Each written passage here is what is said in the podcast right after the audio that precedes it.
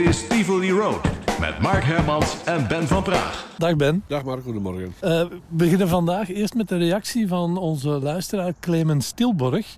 Ja. Uh, die loopt al een beetje op de zaken vooruit, want uh, later gaan we in onze verhalen beginnen vertellen over Maeva. En Clemens die vraagt, of ik aan jou wil vragen, of jij weet hoe men in de tijd op de naam Radio Maeva is gekomen. Wel, ik zal daar heel kort op antwoorden. Nee. En, Je weet het niet? Nee, het is voor mij ook een raadsel eigenlijk. Dat is iets dat vaak teruggekomen is in de loop der uh, jaren. Maar hoe komt dat nu eigenlijk dat, dat, dat Maeva Maeva heet? En er zijn verschillende pistes die de ronde hebben gedaan. Uh, er zijn mensen die zeggen van Maeva betekent eigenlijk welkom in het Haitiaans. Dat, en dat klopt ook wel.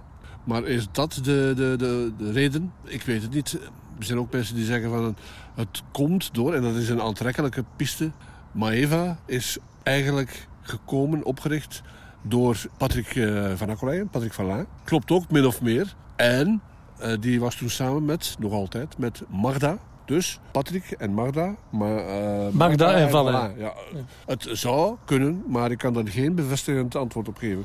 Zou het zijn dat misschien de simpelste oplossing was dat er een reisbrochure op de tafel lag ja, van het reisbureau ja, Maeva? Dat klopt, dat is het meest commerciële, de meest commerciële verklaring. En dus dat zou inderdaad best kunnen. Ik, als ik zelf moet kiezen, dan kies ik eh, voor die uh, ding. Er was ook een logo van het reisbureau. En dat is later het logo geworden van Maeva. Of een logo van Maeva. Dat is zo. Ja, ja dat is zo. Ben, in mijn uh, jeugd als uh, student in de jaren 70 liep ik in Antwerpen regelmatig in de gemeentestaat voorbij een hi-fi-zaak. Ja. En die heette hi-fi-zaak De Kaluwe. De Kaluwe, ah ja, ja, ja, ja oké, de Kaluwe. Ja. Dat zegt me iets. Ik had daar toen, uh, was ik daar niet van op de hoogte, maar wat bleek later, dat die uh, eigenaar van die winkel, Huis de Kaluwe, dat dat de zoon was van Georges de Kaluwe. Ja, en dan... Uh... En daar hebben we het over gehad toen met Radio Antwerpen en Radio Kerkske. Ja. Het was ongelooflijk. Voor de Tweede Wereldoorlog hadden we in België 16 vrije commerciële zenders. En na de oorlog, die onder andere een strijd voor de vrijheid was, mocht dat allemaal niet meer. En kwam er één Belgische staatsomroep. Ik zou bijna zeggen helaas. Dus ik zal het zeggen ook helaas dat het zo gegaan is. En die Georges de Caluwe, die heeft al die tijd geprobeerd, heeft nog een politieke partij opgericht.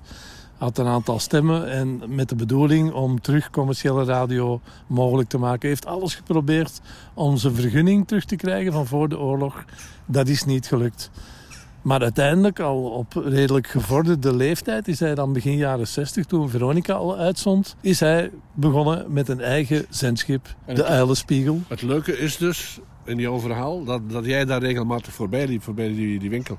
Van zijn zoon. Van zijn zoon. En ben je daar dan uh, toevallig achter gekomen dat dat die zoon was? Later toen ik zelf in de radio zat. Hè. Ja. Maar het, het, moet toch wel erg zijn geweest dat je als zoon van Georges de Caluwe... Uh, je bent begaan met, met de commerciële vrije radio... dat je dan radioapparaten verkoopt... terwijl het vrije ja. uitzenden mocht niet. Ja, inderdaad. Ja. Dus uiteindelijk is die Georges de Caluwe dan met zijn eigen zeezender begonnen. De Uilenspiegel. Heb je daar ooit verhalen rond gehoord? Uh, ja, ja, verhalen wel. Hè. En, dingen over gelezen en zo, maar nooit zelf uh, meegemaakt, uiteraard. En wat is er gebeurd eigenlijk met die, met die spiegel? Ja, dat is in de lucht gekomen. Dat in het begin uh, sloeg dat wel heel snel aan. En merkte je dan ook bij de, de radio van de overheid, de, hoe heet dat in de tijd, het NIR, ja. dat die dan wijzigingen in hun programmatie brachten, omdat er concurrentie was van die radio Antwerpen op de Uilenspiegel. Maar het heeft niet zo heel lang geduurd. Uh, Georges de Caluwe die was al op leeftijd, die is dan ziek geworden, die is overleden en een beetje later is dat zendschip gestrand. Maar als ik het uh, goed begrijp, is er nooit een radio Uilenspiegel geweest? Was Radio Antwerpen? Nee, dat was Radio Antwerpen, maar we noemden het de Uilenspiegel, Radio Uilenspiegel. Ja omdat dat betonnen zendschip, dat was een betonnen schip, omdat dat zo heette. Oké. Okay. Ja, dat is boeiend. Dit is Radio Antwerpen van op het schip Uilenspiegel op de Noordzee. De zender waar u naar luistert.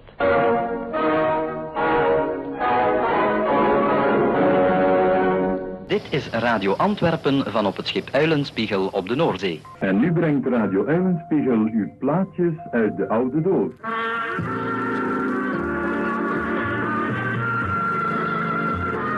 Het weer in dit seizoen is zo veranderlijk en wispelturig dat er soms een niks toe is om van de Nelen op de uilenspiegel te komen. Er moeten soms echte acrobatische nummertjes uitgevoerd worden om dat voor elkaar te brengen.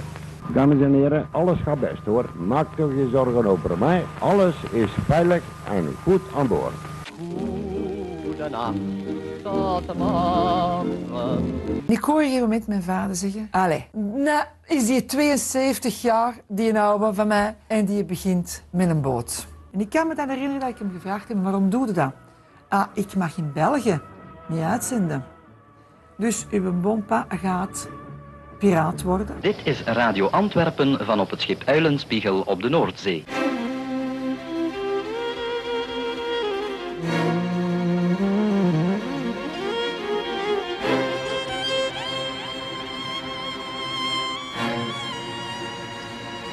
Herinneringen aan fijne radiojaren. Dit is Tivoli Road.